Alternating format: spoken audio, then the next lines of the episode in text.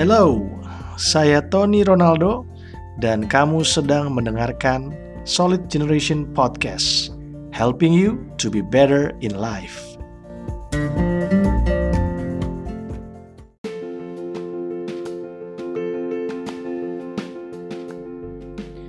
Ya, what's up?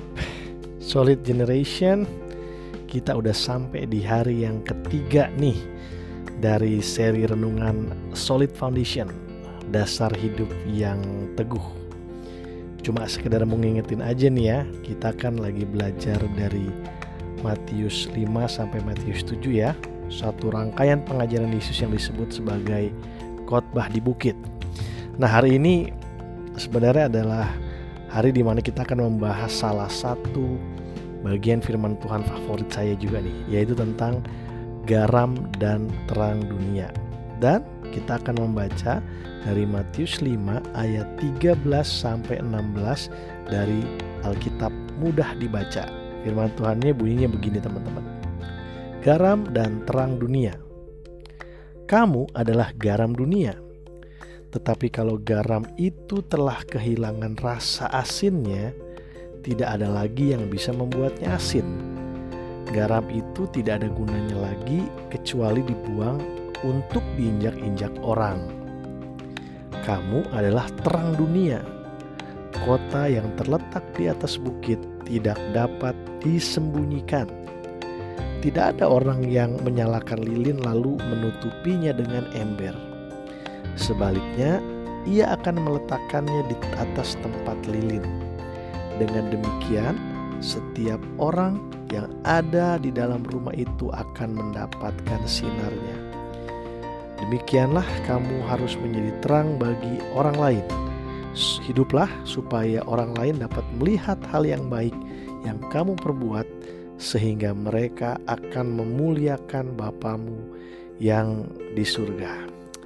Menarik banget sih uh, ayat-ayat firman Tuhan ini karena di sini Tuhan Yesus itu mengumpamakan atau mengibaratkan kita nih pengikut-pengikut Yesus sebagai garam dunia dan terang dunia. Garam, apa sih itu garam? Sebenarnya uh, salah satu fungsi garam di zaman Yesus itu adalah untuk mengawetkan makanan, teman-teman. Jadi garam itu dikasih ke makanan supaya makanannya nggak cepat basi. Nah, saya jadi berpikir ya, kalau kita disebut garam dunia itu maksudnya apa? Menurut saya maksudnya begini, salah satunya ya, bagaimana keberadaan kita di tengah uh, lingkungan kita gitu ya, di keluarga kita, di pertemanan kita. Apakah kita berfungsi sebagai garam? maksudnya apakah kita bisa jadi dalam tanda kutip pengawet di situ gitu loh. Maksudnya apa pengawet? Saya percaya salah satu e, tugas anak-anak Tuhan, identitas anak-anak Tuhan adalah untuk mencegah terjadinya pembusukan. Jadi itu kalau kita ada di sebuah komunitas, kita ada di sebuah pertemanan, kita ada di sebuah keluarga gitu ya. Harusnya keberadaan kita itu membuat komunitas itu setidak-tidaknya nggak jadi lebih buruk. Keberadaan kita sebagai garam itu seharusnya membuat seenggaknya teman kita itu nggak jadi tambah jahat, nggak jadi tambah terhilang, nggak jadi tambah tersesat gitu. Itu fungsinya garam, menahan supaya nggak jadi busuk, mengawetkan supaya nggak cepat basi. Jadi kita seharusnya bertanya kepada diri kita sendiri, apakah keberadaan kita sudah mencegah pembusukan dalam diri orang lain dalam uh, dunia yang kita hidupi atau justru keberadaan kita malah mempercepat adanya pembusukan orang yang berteman kita malah jadi semakin jahat orang yang berteman kita malah nggak jadi semakin baik itu fungsi kita sebagai garam dunia gimana kita di tengah-tengah orang-orang lain bisa menahan mereka untuk tidak jadi lebih jahat, untuk tidak jadi lebih terhilang, untuk tidak jadi lebih tersesat. Garam dunia. Yang kedua, Yesus juga bilang kalau anak-anak Tuhan itu seharusnya menjadi terang dunia. Apa sih terang dunia? Di sini dibaratkan tentang seorang yang menyalakan lilin, lalu seharusnya diletakkan di atas tempat yang bisa kelihatan, sehingga orang bisa mendapatkan uh, sinar dari lilin tersebut. saya percaya bahwa terang dunia itu bicara tentang memberikan arahan. Jadi kalau ada terang itu kan ya, kita jadi bisa ngelihat dan bisa jadi jalan ke tempat yang memang kita mau tuju. Kalau nggak ada cahaya, nggak ada terang, kita nggak bisa jalan ke tempat yang kita mau tuju. Artinya begini, anak-anak Tuhan seharusnya jadi jalan.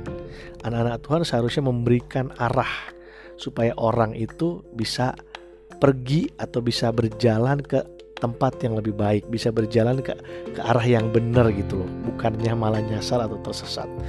Jadi fungsi kita sebagai terang itu supaya orang tuh pun tahu arah yang benar tuh kayak gimana sih boleh pada akhirnya berjumpa dengan Tuhan Yesus Kristus.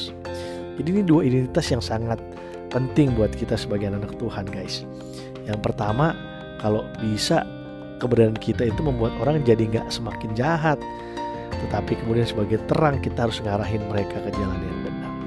Makanya di bagian akhirnya dibilang hiduplah supaya orang lain dapat melihat hal yang baik yang kamu perbuat sehingga mereka akan memuliakan Bapamu yang di surga.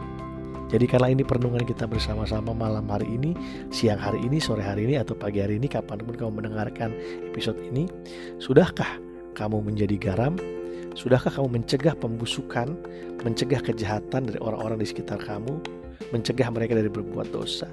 Dan yang kedua, sudahkah kamu menjadi terang? Sudahkah kamu memberikan arah, memberikan uh, direction, memberikan jalan kepada orang di sekitarmu sehingga mereka bisa maju ke arah yang benar?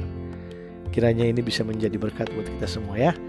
Tuhan Yesus memberkati dan kita ketemu lagi di episode selanjutnya dari Solid Foundation Dasar yang Teguh. God bless you.